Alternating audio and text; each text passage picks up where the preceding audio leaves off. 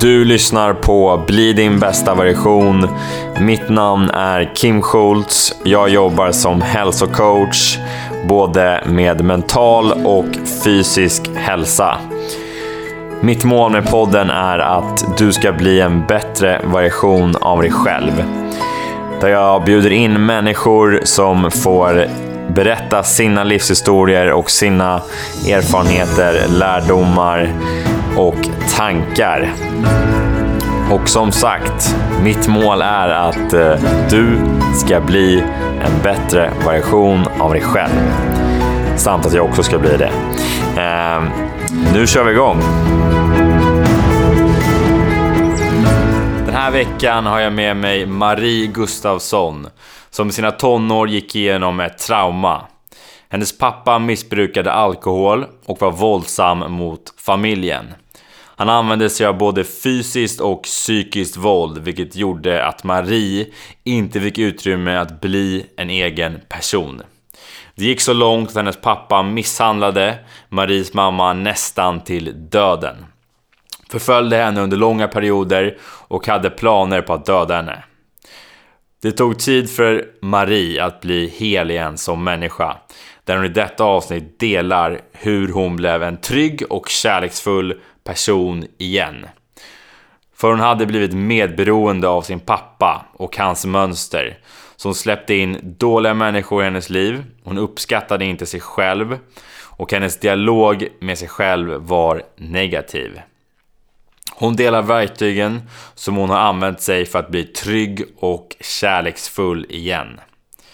En av de viktiga sakerna för att börja må bättre igen var att träffa människor som hade liknande historier som henne. Det här avsnittet är verkligen gripande och det finns flera saker man kan ta sig till för att bli tryggare och mer kärleksfull mot sig själv. Utan vidare introduktion, här är Marie.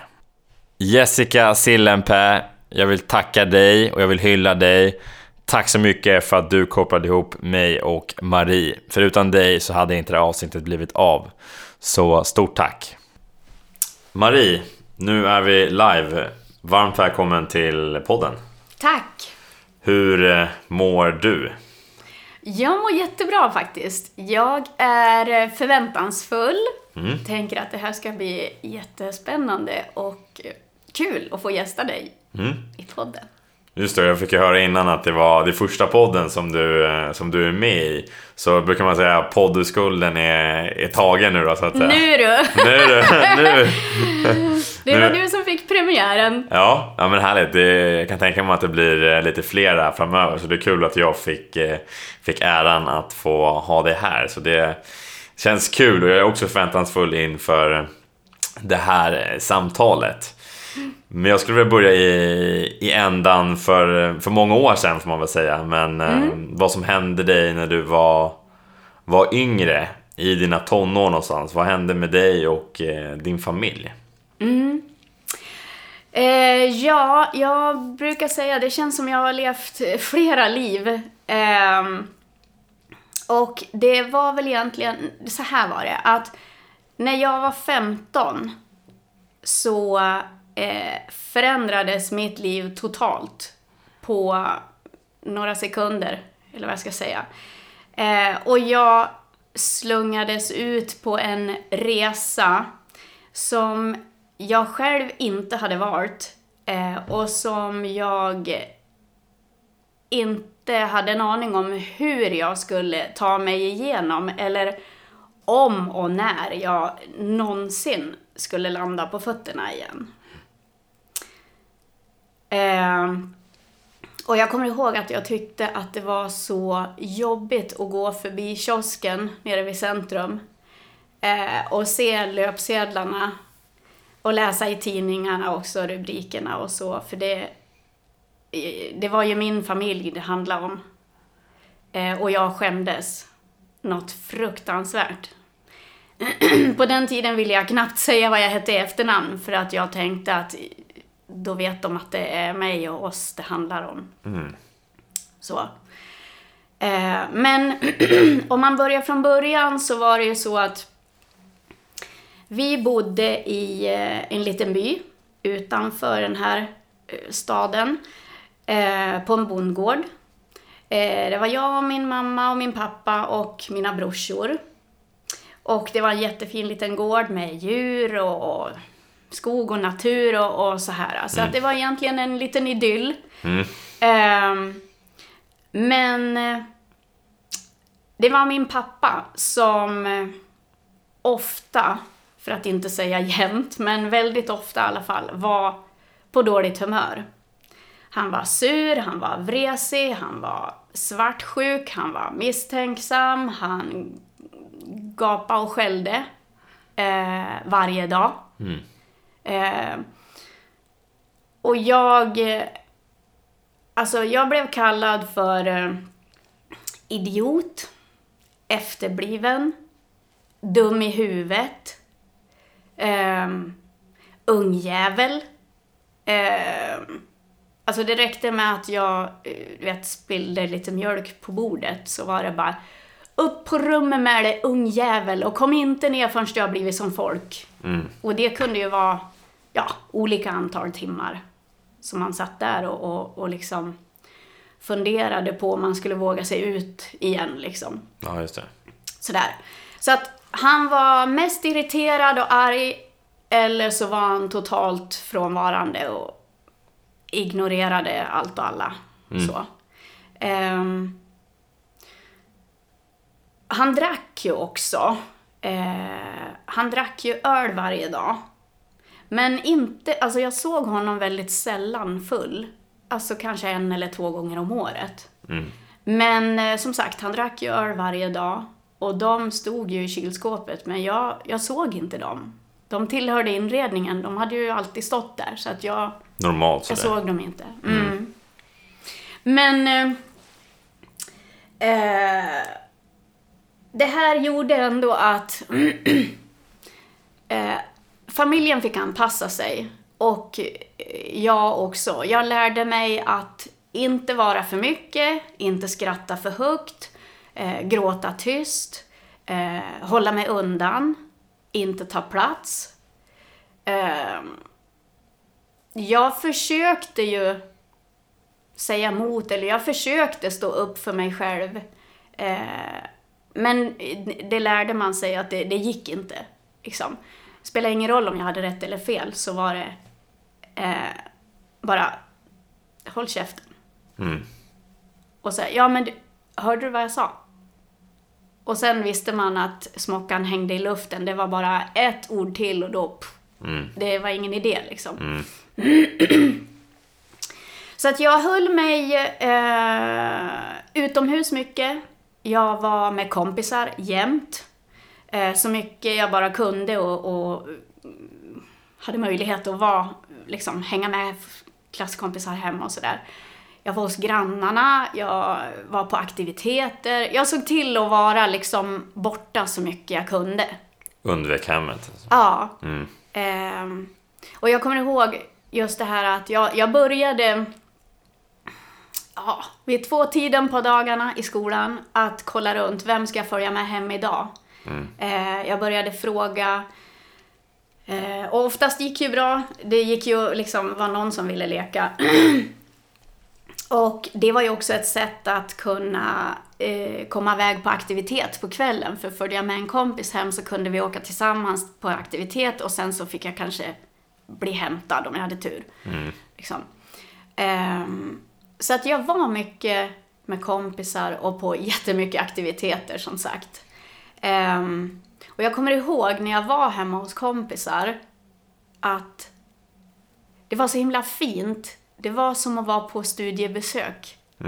Alltså det var som på film. Ehm, jag kunde sitta och titta när de satt och åt middag. Ehm, och mamman och pappan, de tittade varandra i ögonen och de skrattade och log och du vet när de sträckte brödkorgen eller något och barnen de fick vara med i samtalet och, och jag bara wow. Men det var som att vara på bio liksom. Det var, det var så himla fint. Eh, och jag önskade ju i smyg att jag tillhörde den familjen. Mm. Att jag hade fötts liksom, eller så här, jag tänkte bara snälla kan ni adoptera mig? Mm. jag kan vara eran hund eller något. Ja. Nej, men så här, Kan det vara så här bra någonstans? Ja, ja Mm. men att jag ville få tillhöra och känna så. Mm. Kommer jag ihåg. Och samtidigt så var det, även fast det var så fint, så var det också så himla smärtsamt. Det gjorde ju ont för att det var, alltså kontrasten Mm.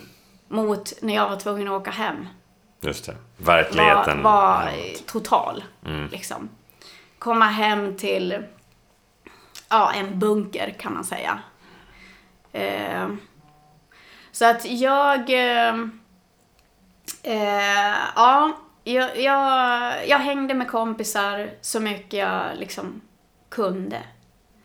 Eh, jag kommer ihåg också att Alltså jag var ju, det som jag inte förstod, som jag inte fick ihop i mitt huvud, det var ju det att han sa ju att jag var efterbliven. Eh, och han bröt ju ner mig. Alltså jag, jag vet inte, jag var ju inte så gammal när jag tänkte att nej men jag är nog, jag är nog efterbliven.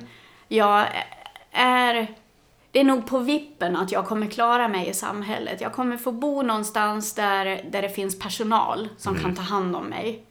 Eh, men samtidigt så, så förstod jag liksom, jag fick inte ihop det för jag var ändå ganska duktig i skolan. Jag gillade språk och musik och, och så här. Mm. Och eh, jag vet att jag eh, kom hem en gång med ett engelska prov som jag var eh, riktigt glad över. Jag var stolt för jag hade ett halvt fel. Så att jag, det var ju nästan alla rätt. Ja. Så jag tänkte att ah, men det här kan jag visa upp i alla fall. Kan jag vara stolt över det. Ja, jag kände mig lite glad och hoppades att, att han också kanske skulle dra lite på smilbanden och säga kanske att jag var lite duktig. Så.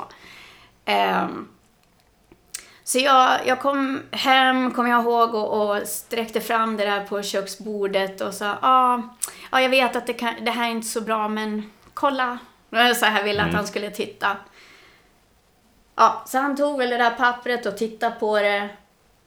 Ja, jag vet inte om han ens tittade upp, men han, eh, han sa bara, jaha. Och vad fan är det här? Och jag, ja, alltså, ja, jag vet. Ja, men alltså jag hade ju inte sagt någonting om du hade haft typ tre fel. För då fattar du ju inte. Men det här. Du fattar ju. Det här är ju för fan ett slarvfel. Va? Och så sköt han ifrån sig pappret och så var det det, var det liksom. Ja. Så att någonstans så kände jag där och då att jag kommer aldrig kunna göra honom nöjd. Han kommer aldrig eh, vara glad för någonting jag gör. Jag kan inte göra rätt. Vad jag än gör så kommer det vara fel. Mm. Eh, och jag var inte gammal när jag eh, gav upp mig. Hur gammal var du?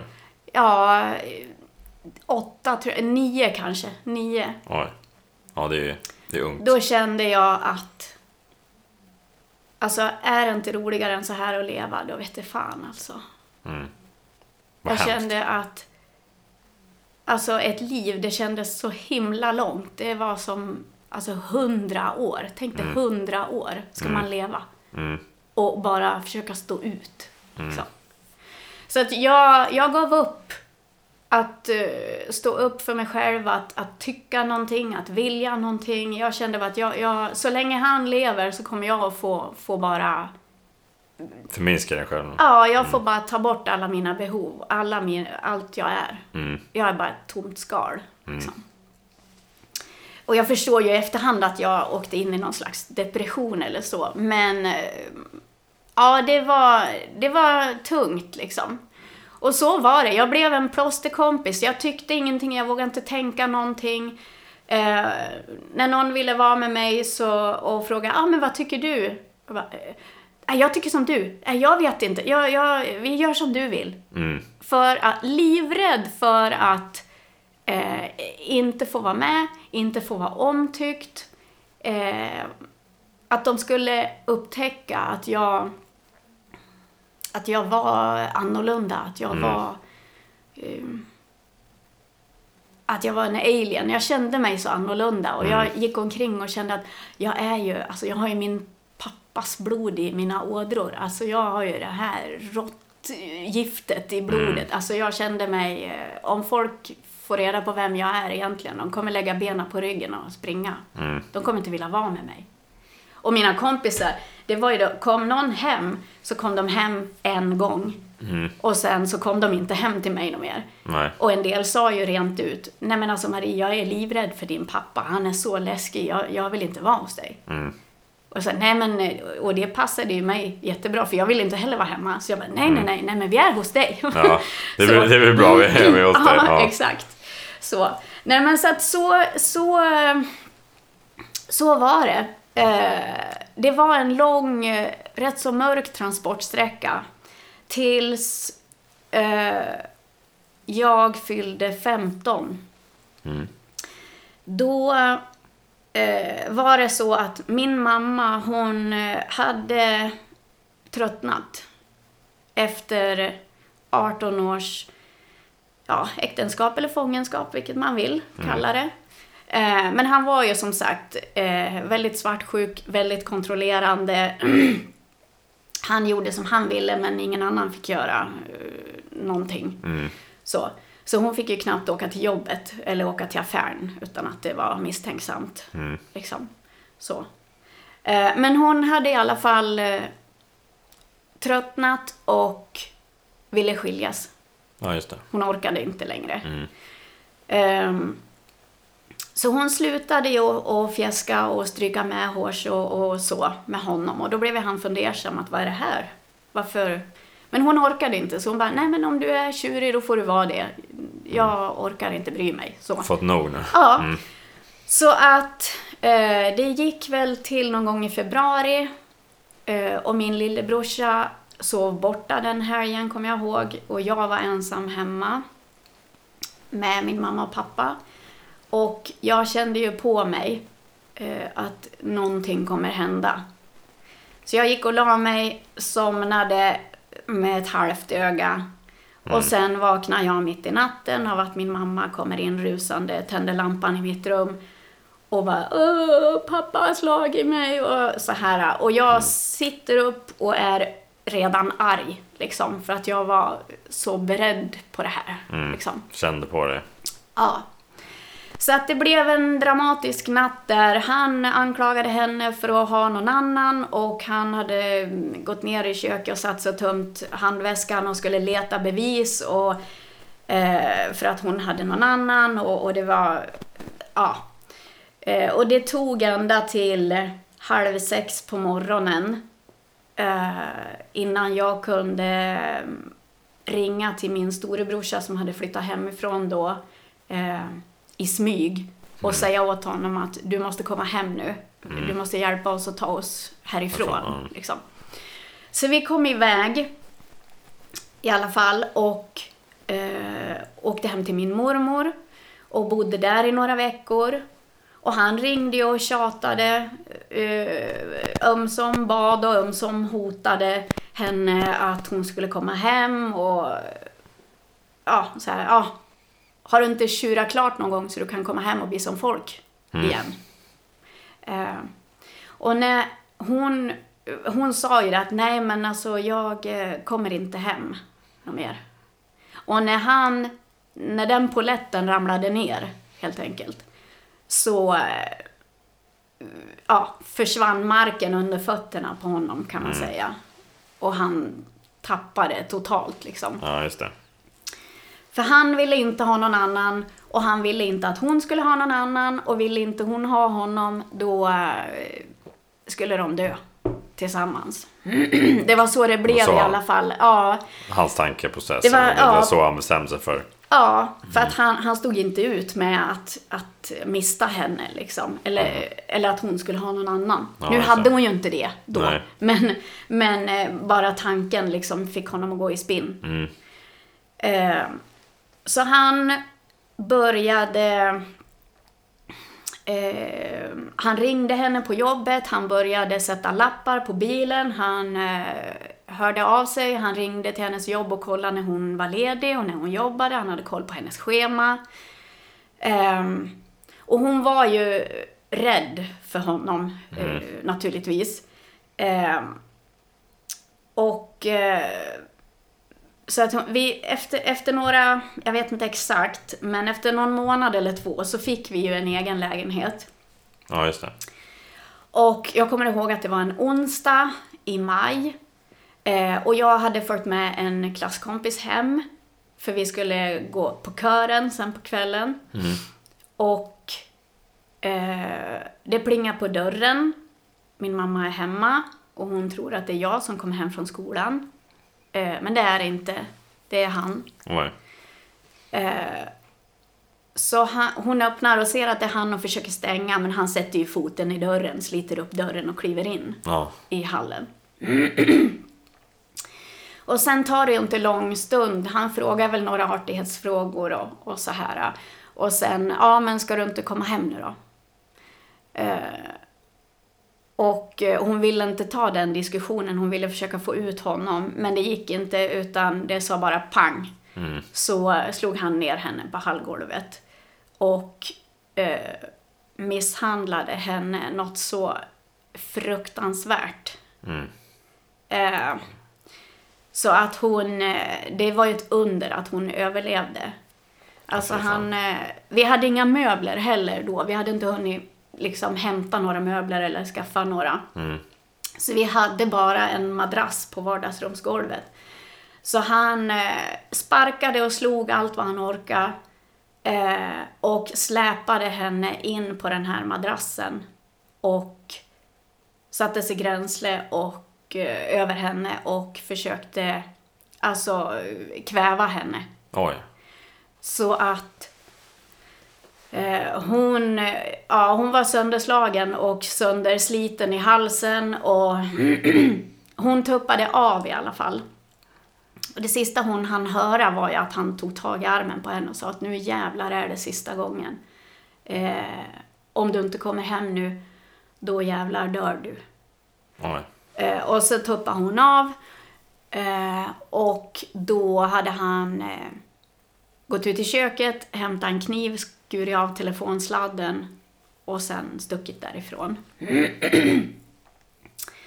och eh, när hon vaknade till liv så tog hon sig ner på polisstationen och de skickade henne till sjukhus direkt och sa förhöra dig kan vi sen, du måste få vård. Liksom.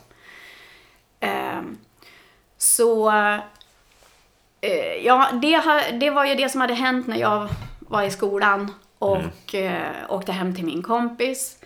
Ehm, så att vi åkte på kören och sen så på kvällen då kommer eh, min lillebrorsa in eh, och jag behöver ju bara se i ögonvrån att han tar i dörren och kommer in så reser jag mig och går bara. Jag förstår att det har hänt någonting på en Sen gång. på dig. Ja. Så att jag kommer ut på grusplanen och där sitter min mamma och det här var ju så här 8-9 på kvällen och eh, det var ju inte strålande sol, det var inte mitt på dagen så här. Men Nej. hon sitter med alltså solglasögon som ser ut som att de är från Buttricks, liksom. Hur stora Ja, som såna- helst. ja. Ja. Eh, och hon vevar ner rutan och säger Marie, hoppa in i bilen. Och jag, eh, jag står som nästan förstenad där på den där grusplanen. Jag kommer ihåg det.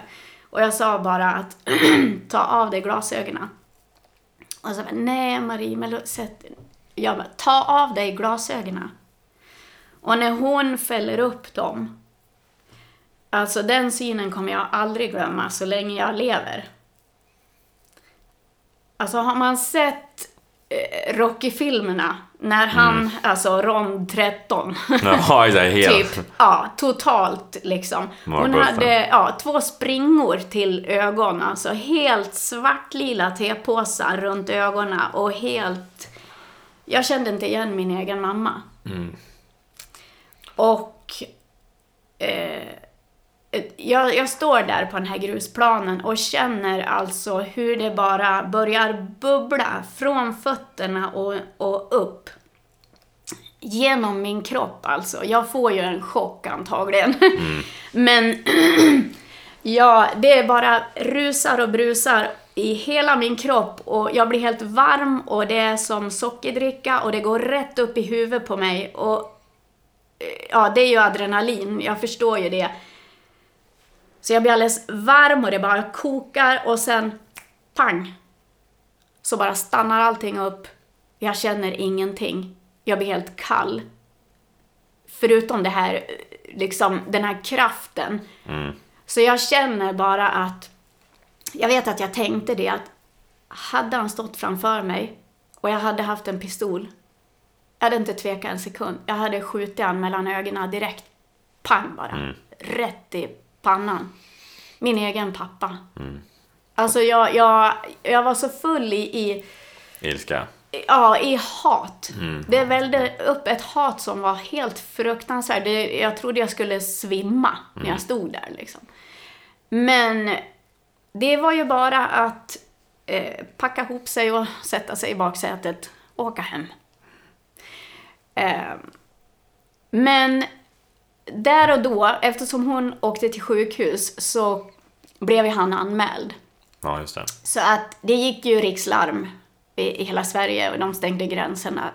Eh, för att de trodde att han eventuellt skulle Fly då. ja, försöka ta sig ur landet.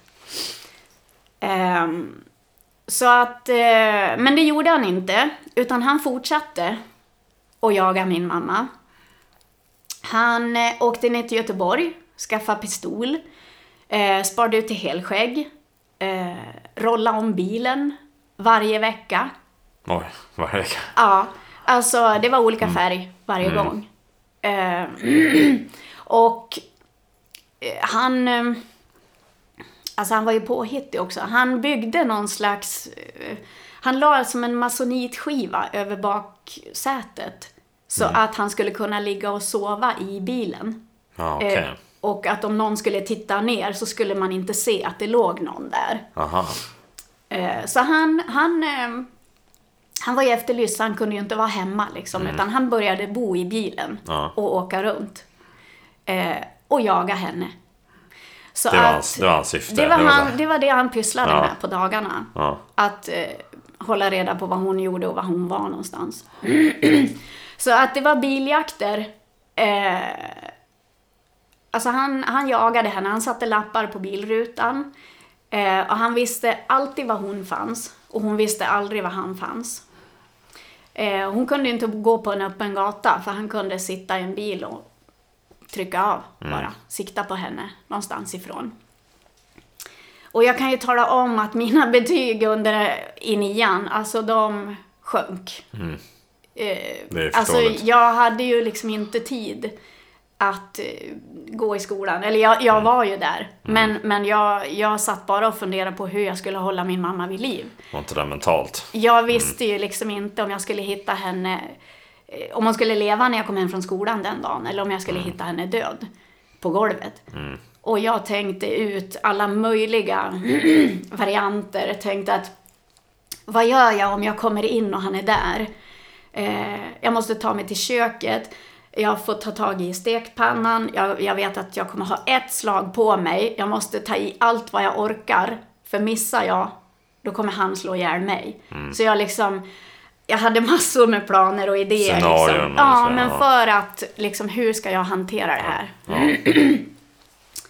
Men, eh, ja, det var biljakter. Han, han eh, jagade henne på alltså 50-väg. Alltså hon körde i sin gamla skruttbil på 50-väg. Alltså i 150 kilometer i timmen. Det var som på film. Ja. Alltså hon försökte köra zigzag, hon körde mitt i vägen, hon hoppades att det inte skulle komma någon mötande bil. Det hon körde, äh, gasade allt vad hon orkade ända in till hon kom in till stan och körde bara rätt in på torget mitt bland folk. För att eh, då först eh, stack han av åt andra hållet. ja, men här är Och- människor, de kommer förmodligen, där kommer han inte våga. Nej, precis. Kliva ut och, och skjuta henne framför folk liksom. Så att ehm, hon hade poliseskott till och från jobbet den sommaren. Eh, för att eh, ja, kunna ta sig till jobbet helt enkelt. Det är helt sjukt alltså. Så att det var, ja men det var terrornivå på, på det här. Och som sagt, min mormor hon, eh, hon var ju fruktansvärt orolig för oss. Eh, och han var ju liksom på henne också, pressade henne. Eh, och så, kontaktade henne och, och sådär. Men så att hon, det blev för mycket för henne. Helt enkelt. Hon eh, var så orolig, alltså så att hon, eh, hon fick en stroke Oj. på midsommarafton. På natten där. Och eh, så hon dog mitt, mitt i det här värsta, oj, värsta kaoset. Så det var ju också tufft mitt i alltihopa, för hon var ändå en, en trygghet för oss. Mm. Eh, men hon, hon klarade inte trycket helt enkelt. Gud vad hemskt att få, alltså redan i en misär så händer en, en sån sak. Ja. Mitt i liksom, Ja, en väldigt, väldigt jobbig händelse som har hänt under många år så händer en Ja. sån sak när man förlorar en viktig Ja, min mamma person. förlorade ju sin mamma mitt i Ja. alltihopa. Den enda liksom, tryggheten hon hade, Mm. kan man säga. Eh, så att, eh, ja, nej men det var en, en turbulent eh, sommar. Sen kom hösten och det lugnade sig lite. Eh, han satte lappar lite då och då på bilen men, men det, var inte, det var ändå lite lugnare i perioder. Alltså han var ju ute och letade i lekparken och snurrade och skulle ta min lillebror som gisslan för att få tillbaks min mamma. Så att vi, vi var ju... Det gällde att hålla sig undan och se sig om liksom. Så. Men eh, sen på hösten där så eh, hittade polisen honom. De tog honom. Då, de hittade honom i en lägenhet i Västerås. Ja, Så att eh, då fick vi en andpaus på några veckor när han satt häktad. Eh, men eh, han ljög eh, åklagaren full och hon trodde på honom. Så att han blev släppt. Eh, för att de ansåg inte att det fanns risk för fortsatt brottslighet. ja det är helt Eh, sjukt. Efter allt det som har hänt. Ja. Eh, utan, men poliserna visste. Och vi visste att det här kommer, han kommer inte att ge sig förrän han har haft ihjäl henne. Eh, så att det, det, ja. Men i alla fall, vi, eh, det gick till eh, december, dagen före julafton. Då sitter jag hemma hos min dåvarande pojkvän. Vi har ätit en sen frukost eh, och sitter kvar vid bordet och eh, jag kommer ihåg, vi satt i köket och hans mamma stod och diska och sen rätt vad det var så eh, börjar torrnyheterna. Och jag rycker till och hon också slutar diska på en gång, går och skruvar upp ljudet på radion. Och de börjar prata och jag förstår direkt att det är min pappa det handlar om. Eh, och precis som den här grusgången, eller när jag stod på grusplanen där, så det slår lock för öronen och det börjar susa i skallen och jag åker in som i en dimma och eh, hör inte vad de säger riktigt. och jag blir jättestressad för jag känner, jag, jag måste höra varje ord nu, vad de säger för någonting. Eh, så jag får verkligen anstränga mig, kämpa mig tillbaka. Eh, och jag hinner uppfatta att det har ju hänt någonting och de har hittat honom. Och det jag hör klart och tydligt är att nyhetsuppläsaren säger och den mannen är nu död sedan några timmar. Oj. Vad tänker du då? Vad händer?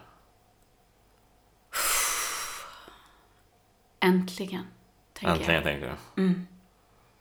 Äntligen är det över. Mm. Men sen kommer ju nästa tanke. Vilka lever? Ja, vad har hänt och vad... Ja, Mm. lever min, min, mina brorsor, lever min mamma, vad, så. Eh, och det kändes ju som timmar innan jag fick veta, liksom. Eh,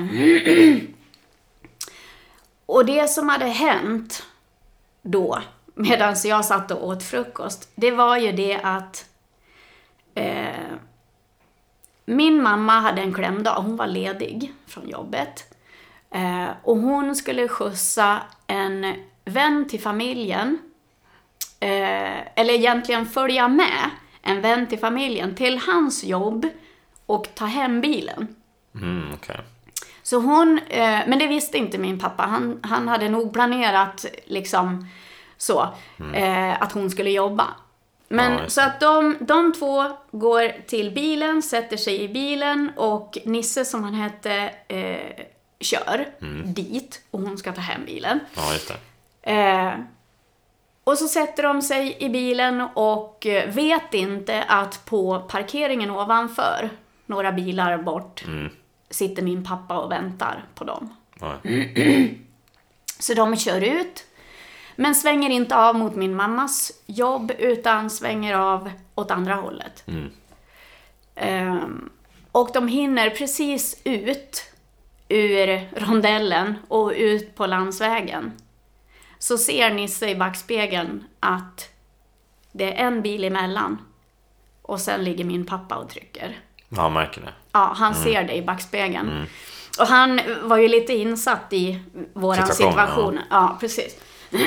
och precis när han ser det så kör min pappa ut och svänger upp, kör upp jämsides med dem. Och Nisse tror då att min pappa ska preja dem av vägen, så han ställer sig på bromsen. Och då smäller de första skotten in genom sidorutorna och skjuter av min mamma glasögonen. Missar med en halv centimeter så de flyger iväg. Snacka om en skyddsängel. Ja. Och sen kommer nästa salva och den eh, sprutar rakt över huven. Eh, och då har alltså min pappa eh, gillrat någon slags ställning. Monterat upp den, mätt ut tinningshöjd. Så att han kan sitta och köra. Och bara sikta. Och bara knäppa av. Så att eh, jag tror att rutan var nervevad en, ja, fem centimeter eller någonting. Ja, det. Eh, och det stack ut en, en pipa. Pipa, ja. liksom. Så att han skulle kunna bara köra upp, knäppa av. Eh, han hade också, visade det sig sen, eh, gillrat någon ställning via motorn så att det stack ut en pipa ur grillen där fram också. Jaha. Så att han skulle kunna eh, sitta och knäppa av för att få stopp, alltså skjuta på däcken Ja, för att få stopp framåt. på Ja. bilen. Och han hade också eh, slaktmasken i, i bakluckan. Alltså den som han slaktar grisarna med. Ja, En sån pistol, slaktpistol. ja okej. Så att han hade tänkt ut alla eventualiteter för att få stopp på bilen för att kunna kliva ur och knäppa dem bägge två. Ja. Men han förstod ju i alla fall att han inte hade skjutit Nisse. Mm. Eftersom bilen fortfarande rörde sig, så att säga.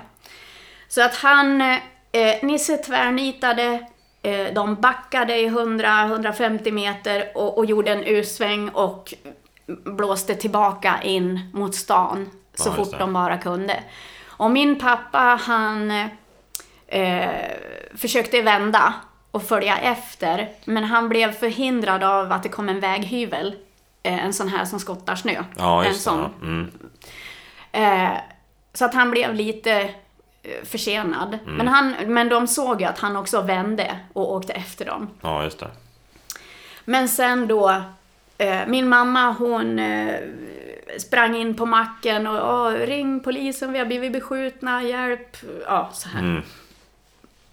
Och medan min pappa då svängde av hemåt, ut mot gården och åkte hem. Eh, tände eld på hela huset. Eh, med alla våra saker i hela mitt rum, allt, alla grejer. Tände eld på drängstugan vi hade på gården, en annan stuga full med alla våra saker. Eh, och gick ut på dasset, satte sig med bössan mellan knäna och pipan i mun och tryckte av. Mm. Dagen före julafton. Så att det var vad som hade hänt eh, då. Mm. Eh, när jag hörde det här på radion. Hur fångar man, alltså som familj tänker jag efter en sån situation som närmsta tiden var. Hur var det? Ja, när vi, när vi fick tag på varandra och alla hade överlevt och det var bara han som var död. Så var det ju... Alltså det var ju en lättnad naturligtvis. Eh, men, men vi var ju i, i chock och det var liksom bara en sån konstig tomhet. Eh, och dessutom så kan jag ju säga det att eh, jag var ju rädd för min pappa när han levde. Men jag var ju ännu mer rädd för honom när han var död. Jag tänkte ju det att han, han ser vad jag tänker, han skickar en blixt, jag kommer tuppa av. så, och dessutom så tog det väldigt lång tid innan jag ens vågade tro på att han inte skulle dyka upp. Eh, jag var ju på begravningen. Mm. Och jag satt där och tänkte att han har lurat er allihopa. Kistan är tom. Mm. Han står bakom ett hörn och bara flinar. Och tycker att vi är blåsta hela bunten. Mm. Alltså, så jag, jag kände det att, ja, ja, vi får väl se. När och om han dyker upp. Fanns en tanke som säger att det, det här är inte, det är inte riktigt på riktigt. Att Nej. det här har hänt. Det Nej. finns, Nej. han lever fortfarande. Ja, Så fortfarande en, en oro tänker jag. långt efter. Mm. Långt, långt efter. Mm. Så att jag, jag tänkte det att, nej men tiden får utvisa om han faktiskt är död eller inte. Mm. Eh, det hade ju hjälpt om jag hade fått sett någonting ur kistan. Alltså, nu eh, fick vi ju inte se det, men det hade räckt att se en hand eller någonting, något som inte var skadat. Mm. Eh, Bara för att få För- för att- bekräftelse. att det var Bara. han, att Mm. det var han som låg där. Mm. Eh, men hur som helst, eh, vi var ju glada att vi hade överlevt, men vi liksom splittrades ändå som familj, kan man säga. Var och en liksom, vi, vi bara pff, åkte åt olika håll och försökte bara hantera det här, var och en för sig liksom vad vi hade varit med om. Min brorsa, min äldsta brorsa, han, han hade ju flyttat hemifrån liksom. Han bodde ju inte hemma. Ja, just det. Eh, och eh, ja, eh, jag skulle ju börja på gymnasiet så jag flyttade iväg till den staden och bodde där. Ehm, och gick på högvarv kan jag säga, några år. Ehm, jag var ju så fylld av hat och, och känslor. Alltså det enda jag kunde känna var ju ilska och hat. Men det var ju liksom en sköld. Det var ju bara ett lock. Under där så låg det ju massor med andra saker naturligtvis. Mm. Men, men jag eh, var bara stressad och rastlös. Eh, och eh, försökte distrahera mig. Just det. Sysselsätta dig med annat, inte tänka. Ja, jag var med kompisar, jag var överallt, jag, jag, jag var ute och festade, jag hängde med skumma typer. Alltså jag, det var några kaotiska år kan jag säga. Mm. Eh, jag var liksom så totalt avstängd. Så jag, jag var inte rädd för någonting. Helt känslor kan liksom ingen. Ja, jag var inte rädd för någonting. Eh, och jag var inte rädd om mig själv heller. Så att det var mer tur än skicklighet att jag liksom inte halkade snett, att jag inte började med droger eller att jag inte spårade ur totalt. Liksom. Eller att det inte hände mig eh, mer eh, saker än det gjorde. Ja, liksom. just det. Att jag klarade mig. Mm. Liksom. Jag gick ju på gymnasiet och eh, som sagt, jag var helt hysterisk om jag ser tillbaka liksom. Ehm, och mådde ju såklart jättedåligt. Mm. Ehm, men hade ingen att prata med, orkade inte prata, ville egentligen inte prata heller. Jag ville bara få vara normal. Ja, just liksom. det. Släppa det som har varit Ja. tidigare. Mm. Och jag tänkte ju någonstans att nej men nu är han död. Nu är alla mina problem borta. Äntligen ska jag få leva mitt liv. Ja, just det.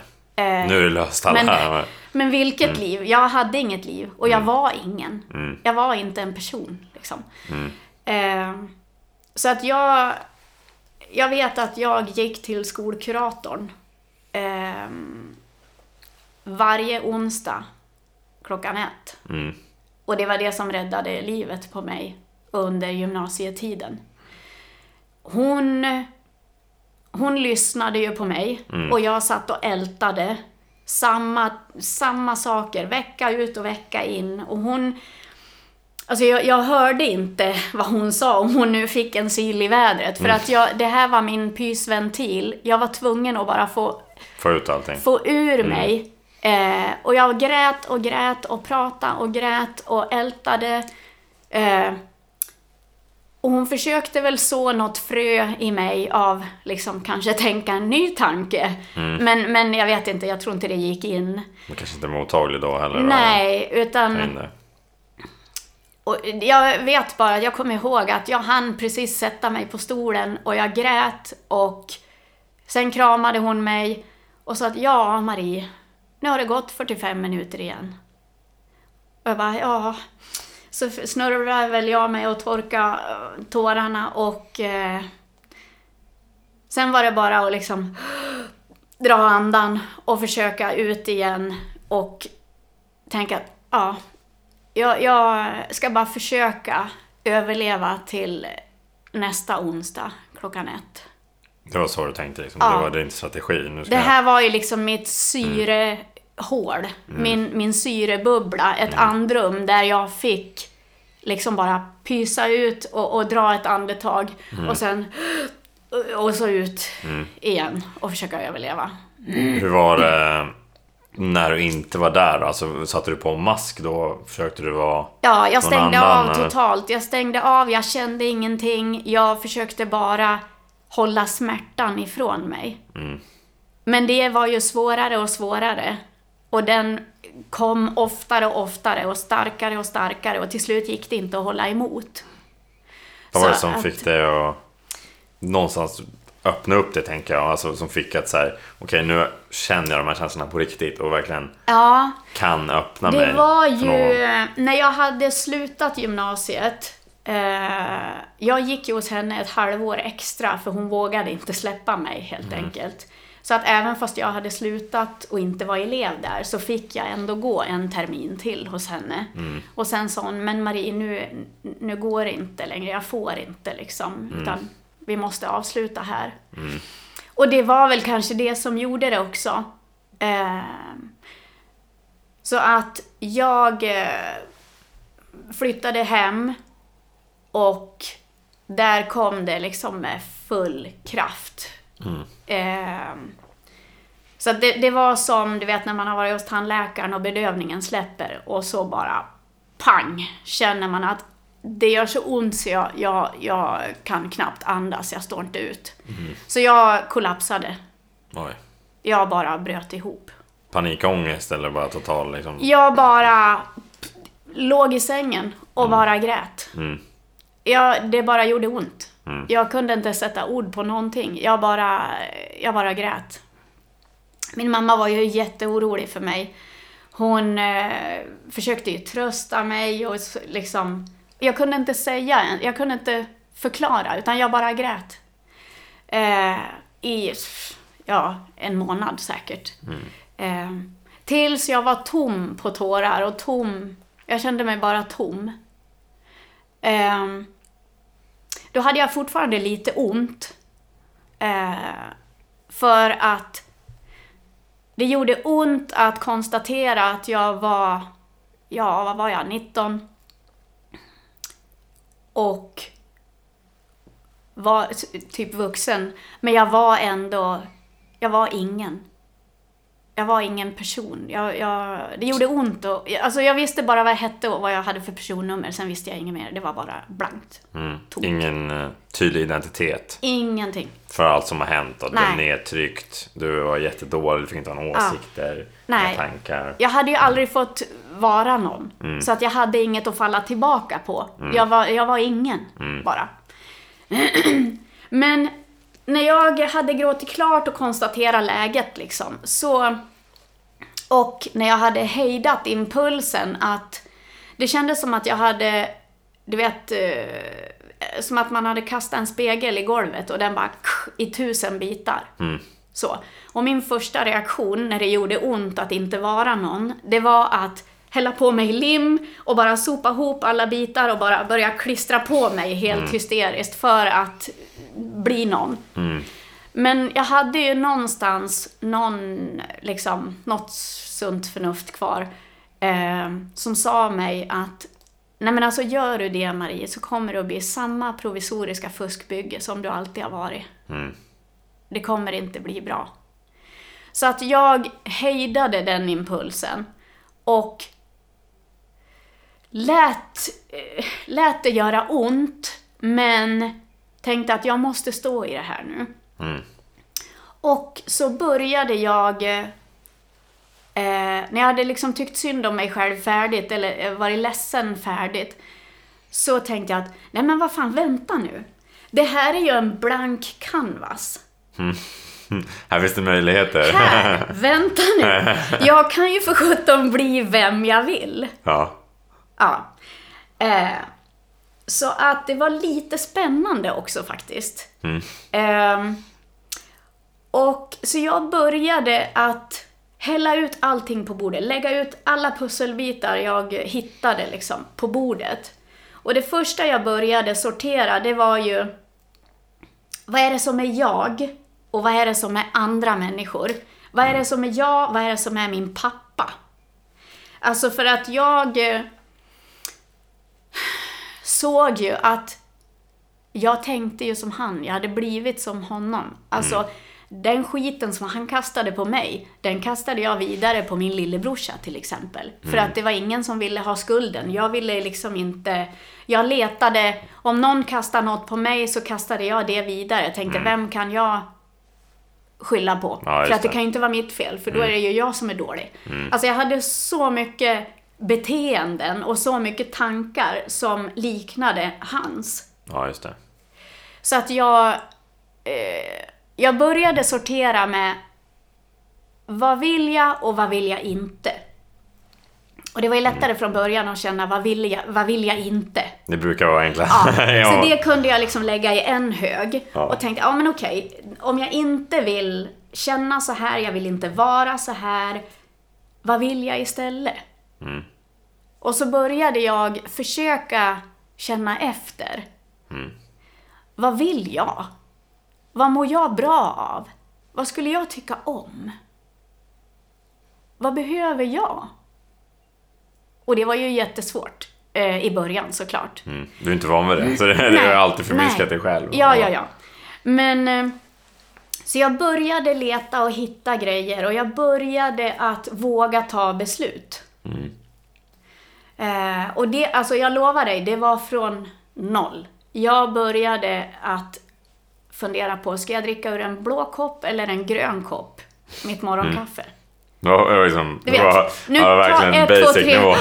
Nu tar jag ett beslut Ja, och sen ja. försöker jag stå för det och så håller jag i det nu. Jag har inte 17 Mm. eh, andra lösningar utifall att saker och ting ändrar sig. Ja. Utan stå för det och börja lära mig säga nej Mm. till människor och våga stå kvar i det här dåliga samvetet när jag inte hade ställt upp. Ja. Eh, för att då blev ju folk såhär, "Ja, men varför då? Mm. Vadå? Eh, De var så vana att jag eh, Sa ja och så jag ställde Mm. upp, gjorde allt, Mm. fanns där. Eh, så att jag vågade börja liksom ta beslut och när jag kände att det höll, då vågade jag ta ytterligare lite större beslut. Jag började känna mig lite stark, jag började känna lite tillit till mig själv. Jag började Mm. bygga upp mig själv och tänkte, ja men fan det här går ju bra. Mm, nu, nu, Nu, jag är här- på gång. Jag är på gång att bli någon här. någonting. Ja, exakt. Ehm, så att det gick riktigt bra. Ehm, men det fanns ju en sak som jag hade liksom gått en omväg rundat, som jag inte riktigt vågade ta i. Mm. Vad var det? Det var ju det här med min pappa. Mm. Eh, och jag visste inte riktigt hur jag skulle ta i det heller. Eh, för jag var ju rädd, liksom fortfarande. Eh, men jag kände, alltså jag fick tipset att, men skriv ett brev till honom. Ja, just det. Och jag tänkte bara, ja, fast jag har varit med om eh, mer saker än så än att jag tror på tomten. Så här, Mm. Ja, det kommer lösa Ja. mina problem. Ja, men alltså så här, jaha, vad ska jag skriva för adress tycker du? Ja. ja, men så här. Tog inte riktigt, eh, trodde inte riktigt på den eh, idén nej, så att säga. nej. Det tog ett år från det jag fick det här tipset till att jag faktiskt skrev det här brevet. Och jag förstod ju efteråt sen att det var ju bara rädsla. Eh, Adressen är ju skitsamma. Alltså, han behöver ju inte ens läsa det. Nej, det är för dig själv. Eh, ja. Eh, men jag vågade liksom inte tänka den tanken eh, då. Men så jag satte mig och skrev det här brevet. Och det var det bland det läskigaste jag har gjort. Jag visste inte ens hur jag skulle börja. Om jag skulle skriva eh, Tjena farsan, Hej pappa, eh, kära far. nej, men alltså, Bara inledningen, Ja, här nej, men alltså, för jag hade liksom ingen relation till honom. Eh, eh, så att jag, ja, jag, jag provade 20 gånger att knuckla ihop pappret och sen så tänkte jag, nej, jag, jag hoppar över inledningen. Så att jag eh, började skriva.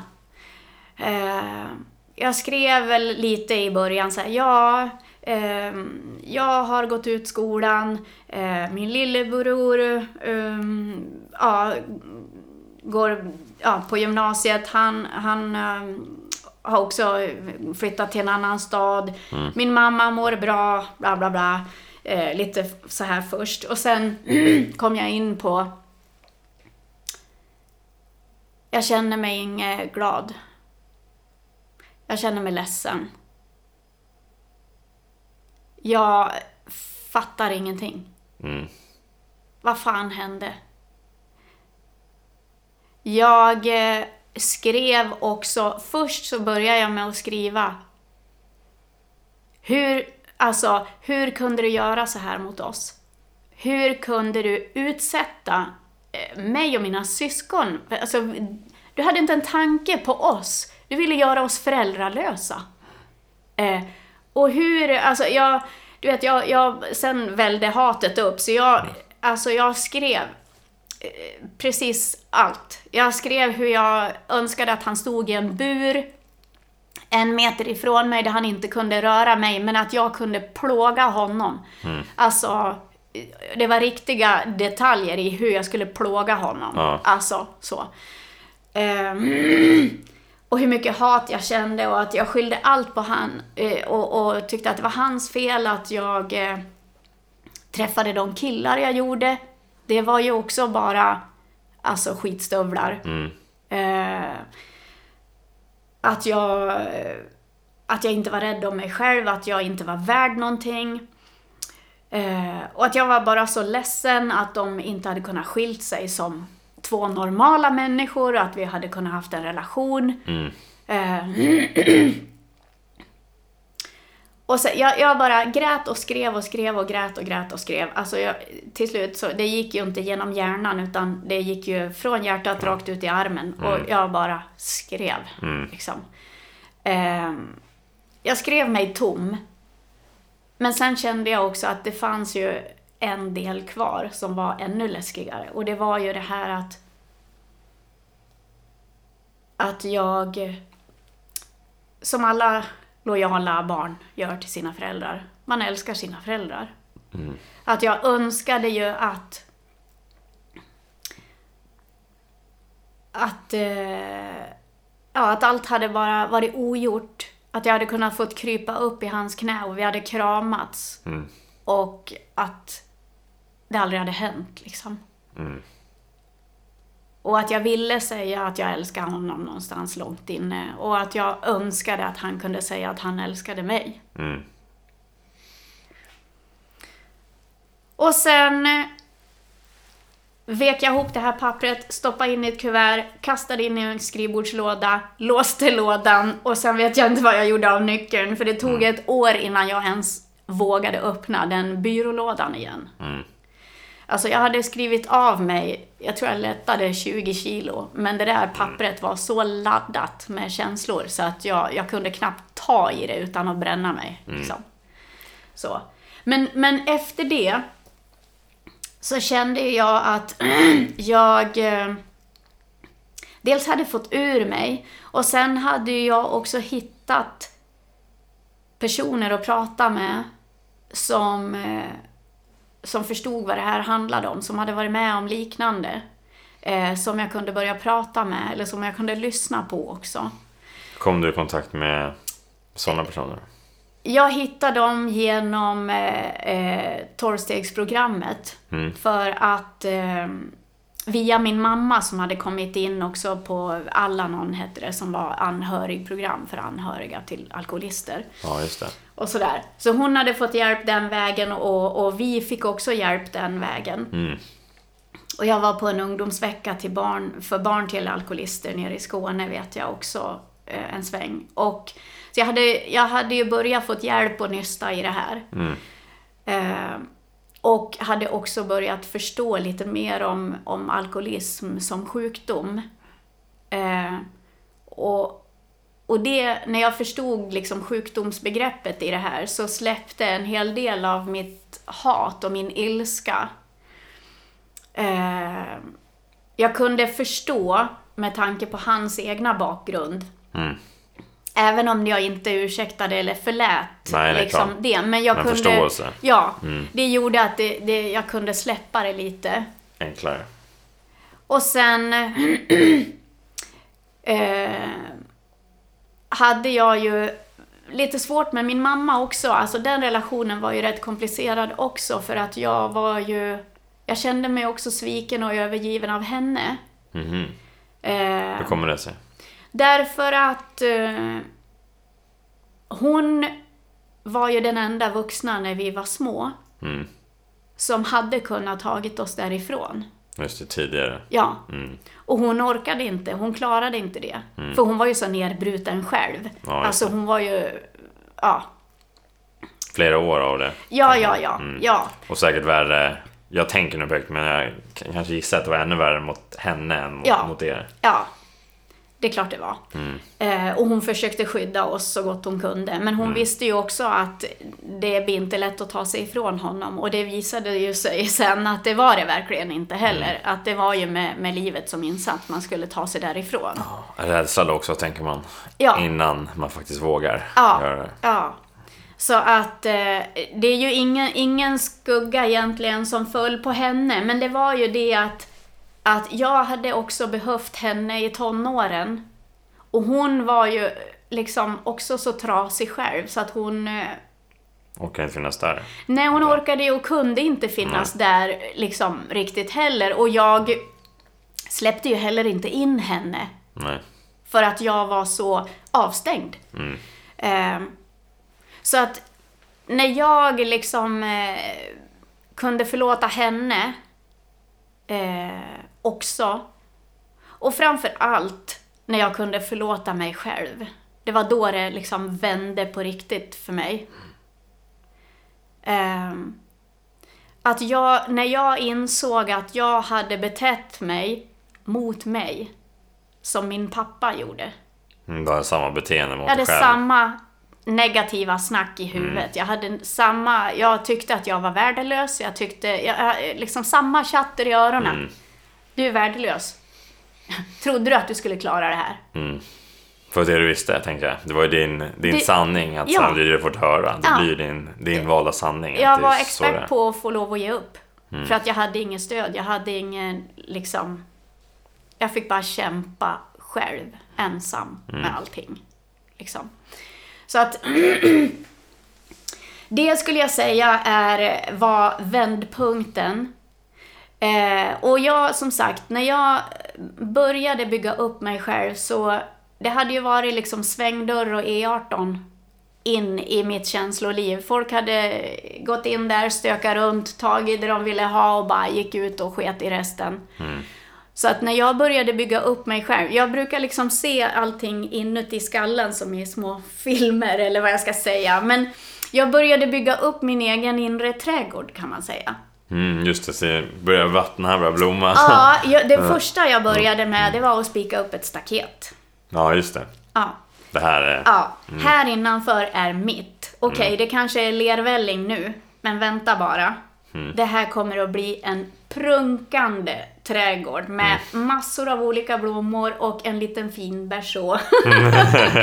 Så att eh, jag spikade upp en, eh, ett staket och eh, började möta upp folk vid grinden. Mm. Och säga hej. Kolla, du, vad vill du? Vem är du? Mm. Här är det inte fritt fram längre. Nej. Utan eh, att känna av eh, om de ville mig väl eller inte. Just det. Och en del sa jag bara hej hej, vinka, lät dem gå förbi. Mm. Andra kunde jag stå och småprata med vid grinden. Eh, en annan kunde jag släppa in. Vi kunde fika i bersån, sitta i trädgården. Eh, och det fanns ju vissa som jag till och med släppte in i mitt hus. Mm. Vi kunde fika i köket. Eller till och med någon faktiskt slank med ända upp och in i sovrummet. men, men just det här att det var jag som valde. Mm, just Och det. jag kände av. Det var på mina villkor. Satt upp någonstans regler tänker jag. Eller så här, det här är ändå vad som krävs nej, för att här ska... människor de ska bete sig som folk, de ska vara snälla, de ska vara omtänksamma, de ska Mm. vilja mig väl, de ska inte lura mig, de ska inte vara oärliga. Mm. Nej, jag är trött på drama och elände bara. Tänk ha en standard för ja, men så här, de här människorna. Det här är vad jag vill ha i mitt liv. Alltså det här är standarden för att ni ska ens det är få komma in här i, jag inom vill stängsel. ha omkring mig och de som inte matchar, de, de kommer inte in. Mm. Så är det bara, liksom. Så att jag, för jag behövde trygghet och tillit, människor jag kunde lita på. Mm. För att kunna växa, för att kunna utvecklas, för att våga Mm. ehm, lita på människor igen. Mm. Liksom. Så att... Eh, och, och, och de människorna behövde jag ju, de som jag gick och pratade med. De behövde jag ju för att våga öppna mig och våga se eh, mig själv och förlåta mig själv. Mm. Så att jag, jag gifte mig och fick barn. ehm, och när mina grabbar var små, när de var några år, så eh, satt jag där i lägenheten och vi kollade på Bingolotto och det var fredagsmys och, och så här. Och sen så hade jag en obehaglig känsla bara att Alltså, det var en unge, det var en, en liten flicka som stod och tryckte näsan mot rutan. Kladdiga fingrar, eh, skitig, lortig, ja, plinga på dörren. Alltid typ en fredagkväll när man skulle sitta och mysa och ha det lugnt och skönt. Mm, det är någon som kommer in och stör. Ja, och bara, nej men jäkla unge, alltså, ja, men så här, kan inte du gå hem till dig? Och, och ville komma in liksom. Och jag bara, nej men du det passar inte idag. Eller nej, nu sitter jag här och myser med mina barn. Så. Eh, och så hade jag ju naturligtvis dåligt samvete för att det stämde inte med mig som person. För jag var så eh, liksom eh, omtänksam om alla andra. Men just den här ungen retade jag mig på. Jag hade någon slags hatkärlek till den här ungen. Eh, tills jag eh, bara en kväll... Nej, men herregud. Jag måste gå och öppna dörren. Du insåg då? Så jag öppnade dörren, släppte in henne och hon var hungrig, lortig, ensam, hade stått ute och frysit länge, länge, länge. Mm. Eh, och jag sa, men herregud, kom lilla gumman. Så jag stoppade henne i badkaret. Eh, duschade och tvättade håret och, och, bara satte på henne rena torra kläder och sa att men vet du, du, du får visst vara här. Eh, satte henne i soffan och vi tittade på Bingolotto och drack O'boy och käkade macka ihop allihopa. Och eh, bestämde mig för att du får bo här med oss. Så att jag hade inte två barn, jag hade tre barn. Och det var min egen inre flicka som jag bestämde mig för att ta in Mm. och ta till mig. Mm. Och eh, hon litade inte på mig i början kan jag säga. Hon var livrädd. Eh, så att jag fick verkligen anstränga mig för att visa henne att jag inte skulle försvinna. Och när hon började prata, att jag orkade sitta kvar och lyssna. När hon grät och var ledsen och rädd och berättade allt hon hade varit med om. Att orka, eh, vad ska jag säga, lyssna och säga jag förstår. Jag förstår hur du har haft det. Mm. Och eh, bekräfta henne att det var helt fruktansvärt det du var med om. Och, och du har helt rätt i varenda känsla som du har. Hade jag varit med om det hade jag också känt som du. Eller så. Att jag liksom... Eh, så jag... Eh, och när hon började lita på mig. När hon slog de där små armarna runt min hals. Mm. Då... Ja. Vad kände du då? Då kände jag att jag eh, skulle kunna förlåta mig själv på riktigt. För att... ehm, för att jag hade stängt ute henne och låtit henne vara ensam och kämpa i, i förvirring och mörker så många år längre än vad hon hade behövt om jag bara inte hade betett mig som min pappa. Mm. Fortsatt att bete mig som min pappa mot mig. Mm. För jag var minst lika vidrig som han mot henne. Mm. Så att jag, eh, jag behövde be om förlåtelse och ta henne till mig eh, och lyssna. Lyssna på hela historien, ta till mig den. Visa att jag eh, aldrig skulle svika henne igen. Lära mig att älska mig själv. Mm.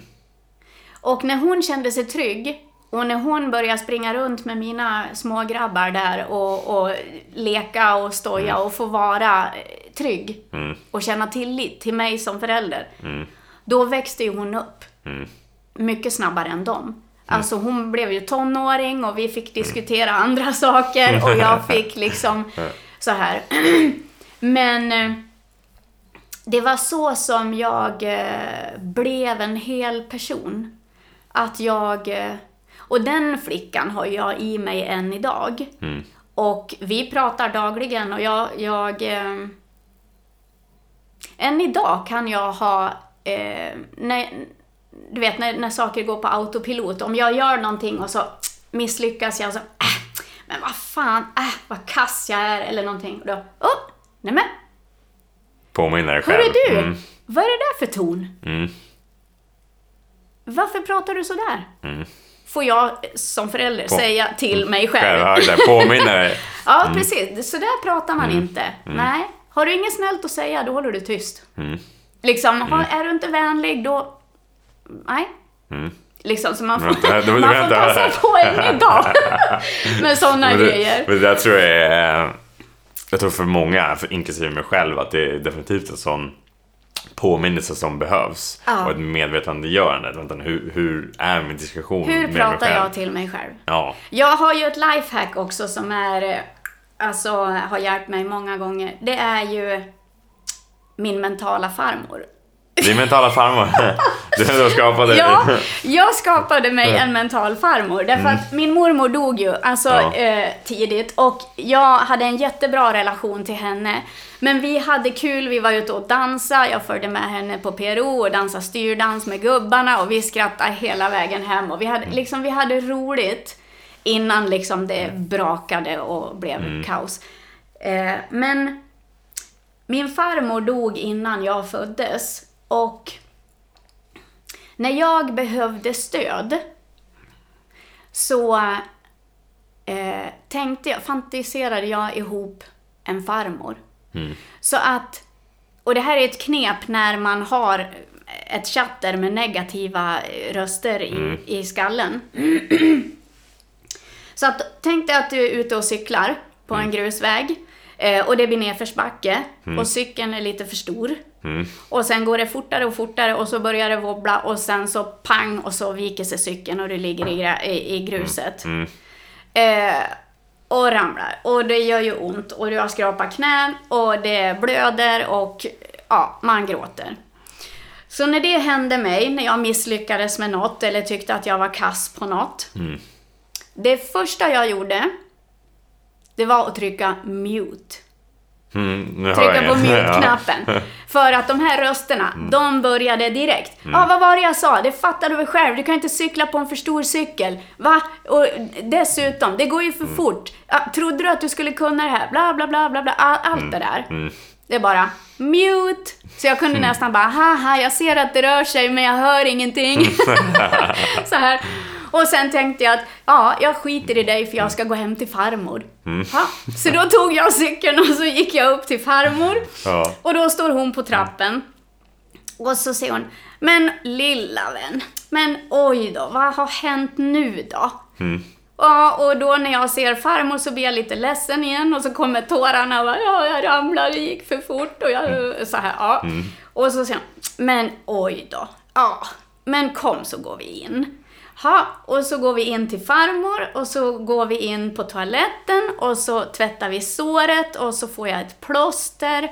Och sen så går vi in i köket och så får jag ett äpple och så får jag en kram och så fikar vi lite. Och så säger hon, äh, ut och försök igen du. Det går säkert bättre nästa gång. Och så, ja, och så får jag en kram och så sticker jag ut och så kan jag försöka igen. Någon som stöttar dig, tänker jag. Någon Någon som stöttar mig och som inte dömer mig, som inte säger vad var det jag sa och, och allt det här. Utan som bara säger, men oj då, men du. Kom. Och så trösta lite och sen på det igen. Så det här med att vara sin egen förälder eller vara sitt eget stöd och skapa sig en mental farmor till exempel.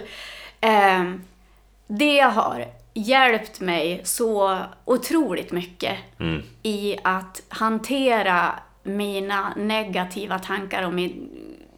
Alltså, Ditt eget prat med dig själv. ja, att bygga upp mig. Att, nej men jag vill bara ha vänliga och snälla människor i min omgivning och då får jag skapa dem själv liksom, som stöttar mig helt enkelt. Så att, och eh, just det här, ja, jag har ju som sagt inte gjort den här resan helt ensam, utan det som räddade livet på mig, förutom min kurator eh, på gymnasiet, det var ju när jag hittade människor som hade gjort samma resa, som också var anhöriga, eh, som visste vad jag pratade om och som berättade sin historia eh, så att jag kunde känna igen mig i den. Just relatera och Ja. jag är inte ensam. Nej, att jag kände att de förstår mig. Det är som att de pratar om mig, fast de berättar om sitt eget. Ehm, då vågade jag slappna av. Jag vågade öppna lite granna på locket. Och jag vågade, när jag fick hålla någon i handen, att öppna lite grann, ta en sak i taget. För jag var livrädd att om jag öppnar locket nu så kommer det säger jag. Det kommer bara sprängas, allting kommer flyga i luften och jag kommer Mm. sprängas i bitar. För det här är för mycket, det är för stort, jag vet inte ens Det går inte att hantera det. Hur ska jag klara av det känslomässigt? Ja. Så att med hjälp av, av dem så... Och en viktig sak var också att eh, jag kunde, jag fick komma liksom i det skick jag var i. Ibland var jag eh, livrädd. Jag var jätteledsen. Jag var, eh, kände mig övergiven. Jag kände mig, hur jag än kände mig så kunde jag komma dit. Jag kunde komma i pyjamas liksom. Och bara berätta, så här känner jag mig idag. Bara vara som det var Ja. just då. Ja, inga masker, inga roller, ingenting. Utan bara vara jag. Precis så förvirrad och liten som jag kände mig. Och rädd. Och de lyssnade och de dömde mig aldrig. Utan de... Och tyckte inte synd om mig heller. Utan de konstaterade att, ja, så där kan det kännas. Men det är ingen fara. Och du är inte ensam. Det är väl, tänker jag, bland den skönaste känslan Ja. som man oftast kan, kan tro att man är ensam. Det känner jag igen mig från. Mm. Ja. Man tror att man är ensam, men sen när man faktiskt får annat perspektiv eller för någon annan som Mm. har varit med om en liknande sak. Alltså, shit, jag är ju inte ensam. Det finns ju Nej. Mm. andra människor som är i det fortfarande och det finns de som har tagit sig Men de har kommit längre. Ja, exakt. Ja. De har hittat verktyg för att ta sig förbi det. Ja, ja, Och det är ju så här, ja, men det är ju möjligt Mm. att komma från där jag är idag till en, till en bättre plats ja. för mig själv. Och det är ju en eh, det är en styrka och det, det är ju en, en trygghet. Ja, också, och det var jag. det som var avgörande för mig. För att som sagt, min kurator hon förstod och hon, hon eh, eh, var ju en duktig kurator. Mm. Men hon hade ingen egen erfarenhet av det jag hade varit med om. Mm. Och därför, hon var en trygg ventil att gå och pysa ut hos. Mm. Men hon kunde liksom inte hjälpa mig på samma sätt. För att hon hade inte gjort resan själv. Nej, nej, jag förstod inte till, till Nej. 100% och kunde inte relatera. Nej. Och som, kanske som du sa, just det här med, med känslorna. Att så här, men, då tyckte inte synd om dig heller. Nej. Utan så här, det, ja, så får du känna. Och det är helt okej. Ja. Men det, det kommer kunna bli bättre. Det, kommer, det blir ljusare, Ja. vi lovar. Ja. Liksom. Ja. Så att det var ju räddningen. Eh, och det var det som hjälpte mig att eh, bygga upp min tillit till mig själv, min självrespekt, min eh, kärlek till mig själv. Eh, det, det var det som gjorde liksom att jag fick ihop mig till en hel, trygg, omtänksam, kärleksfull person som, som vågar lita på andra och som eh, eh, kan hjälpa andra. Och det har ju jag gjort i, i nästan lika länge tänkte jag säga. Eh, varit mentor till andra tonåringar och vuxna som, som är anhöriga. Mm. För det är det du gör eh, idag när vi ändå kommer in på Ja, det. ja men precis. Ja, precis. Både coachar och föreläser Ja, om just och mentor till, Ja, precis. Och det är ju lite olika eh, saker, men, men just att, att eh, det var, det känns så otroligt viktigt. Eh, när man en gång har varit där och man har fått den där utsträckta handen och fått den där hjälpen så gör den all skillnad i världen. Det är den som är- skillnaden mellan liv och död. Den betyder så mycket för den som får hjälpen. Och för den som ger så är det inte, det kostar ingenting. Mm. Så när man har fått det så känns det så självklart att, att ge det vidare. Därför att man vet att det går. Alltså jag vet att det går. Du har gjort resan själv Ja. och fått den hjälpen. Ja, Mm. och kunde jag, då kan vem som helst. För jag är ingen speciell människa. Jag är bara en vanlig människa som var med om, om det här. Mm. Eh, så kunde jag så kan du. Jag lovar. Men det där är, det, det är verkligen en bra alltså, liknelse. Eh, Ett motto skulle jag säga också. Så att är så här, om, en, om en annan kan, om jag kan så kan du. Alltså, Jag har Mm. Mm. tagit mig igenom det. Och Man kan ju tro att det är omöjligt när man är i det, men det går ju faktiskt. Det ju, finns ju bevis på det. Ja. Dig, bland an, flera andra människor också som har lyckats. Eh, Så verkligen. Jag, jag tänker eh, på just det här med anhöriga. Mm. Alltså sådana som du, jag tänker det är folk som är i de här typerna av situationerna idag, kanske även de som lyssnar nu. Vi har pratat ganska mycket om det, men finns det någonting Ja. som, du, som du skulle vilja tipsa en, en sån person eh, som vi inte har pratat om, som du tänker så här specifikt nu? Så, men det här kan vara generella tips som kan vara bra. Ja, det är ju såklart, eh, det finns ju anhöriggrupper, eh, men hitta personer som du litar på. Eh, för att eh, så länge man inte känner sig trygg så vågar man inte berätta. Eh, Men hittar man en person som man känner sig trygg med och som har gjort resan själv eh, så gör det all skillnad i världen. Eh, att våga börja berätta sin historia, berätta vad man har varit med om. Lite i taget. Eh, och det som är viktigt och det som, det som jag gör, alltså man... Eh, som coach, eh, det är ju att till mig, till exempel, eh, så det är inget 16 weeks of hell, utan det är, du behöver liksom, du behöver inte eh, ha kavlat upp ärmarna, ha kommit en bit eller ha jävlar anamma. Du behöver ingenting. Du kan komma till mig i pyjamas. Du kan, det enda som, om du vågar ha en tanke om att jag vill inte må så här, jag vill förändra, men jag vet inte hur. Jag vet inte vad jag ska göra. Så är du välkommen till mig. Precis som det är då. Ja, det är ingen tröskel till att ta kontakt. Eh, för att vi, vi hänger av oss alla roller i, i väntrummet och sen så börjar vi därifrån, där du står idag. Och så ser vi. Så att... ehm, för det, det var en av de viktigaste grejerna för mig.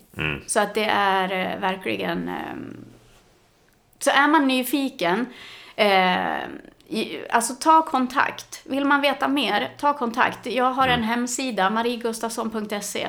Där kan man gå in och läsa mer.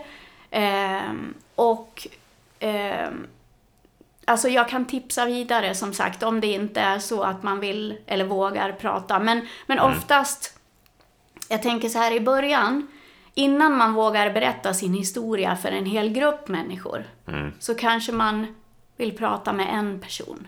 Brukar kännas skönare. Ja, att man börjar kanske med en person. Ehm, och som sagt, eh, det finns eh, olika varianter där. Det finns anhöriggrupper, stödgrupper och det finns eh, coaching, det finns eh, föreläsningar man kan gå på, det finns olika sätt. Men, men som sagt, man binder inte upp sig till något och det kostar inget att bara kontakta mig.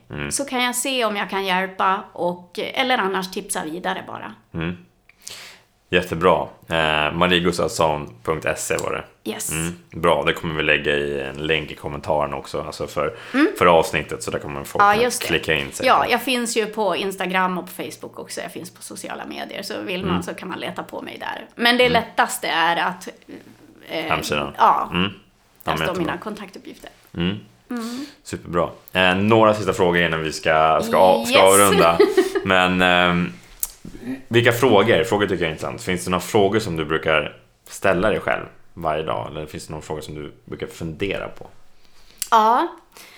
Jag frågar mig själv eh, varje dag. Um, har jag varit ärlig mot mig själv idag? Har jag varit ärlig mot andra idag? Hur känner jag mig? Um, har jag... Eh, ja, men mycket det här med ärlighet. Då har jag... Har jag kommit med ursäkter fast jag inte vet om det? Eller så här att jag... ehm, har jag eh, varit kärleksfull idag? Har jag varit dömande idag? Har jag eh, gjort mitt bästa? Har jag hjälpt någon idag? Alltså det finns massor med, med frågor, men just det här med att eh, verkligen försöka vara ärlig mot sig själv. För att det är så lätt att nja, halka lite på den frågan Mm. och nja, inte känna efter riktigt eller, eller så här. Så eh, just eh, att, att se till att jag är ärlig, men också som jag var inne på, att förlåta sig själv varje dag. Eller trösta, alltså att jag tänker som min farmor, min mentala Mm, farmor. Att mm. om jag har eh, misslyckats eller om jag har gjort någon illa eller så, så har jag inte, då är det inte långt ifrån att säga förlåt. Eller Mm. att, att, och förlåta mig själv. Eh, för det också. Det betyder inte att jag kan göra som jag vill för att äh, jag kan ändå förlåta mig själv. Utan, men, men verkligen ransaka mig. Hur, hur är jag? Mm. Eh, är jag den som jag vill vara? Ehm, och eh, hur, hur är jag mot mig själv? Är jag den här snälla, eh, peppande, tröstande, stöttande eh, föräldern Just till mig det. själv? Så som jag vill vara. Ja. Mm. Blir det verkligen så också i, i verkligheten? Alltid kan man ju liksom ifrågasätta sig. Nej men det, det blir det ju inte för Mm. Nej. att man fortsätter. Det är klart att man, den här resan är ju, den är inte slut här. Mm. Jag fortsätter ju att jobba på mig själv. Jag fortsätter att utvecklas och Mm. jag behöver ju fortsätta ställa de här frågorna till mig själv Mm. varje dag. Mm. Nej men klart, det är, det är, nog, det är ingen som, som lyckas med det. Så det är verkligen en eh, pågående Ja, process. man en livslång förändras. Man vill olika saker. Man Ja. Mm. utvecklas och förändras. Så att man, man vill eh, kanske andra saker framåt. Liksom. Mm. Så att eh, det gäller att, att um, Kolla, är jag på rätt Ja. väg? kolla av helt enkelt. Mm. Två sista frågor då. Mm. Vad vill du lämna efter dig? Ehm, lämna efter mig, ja...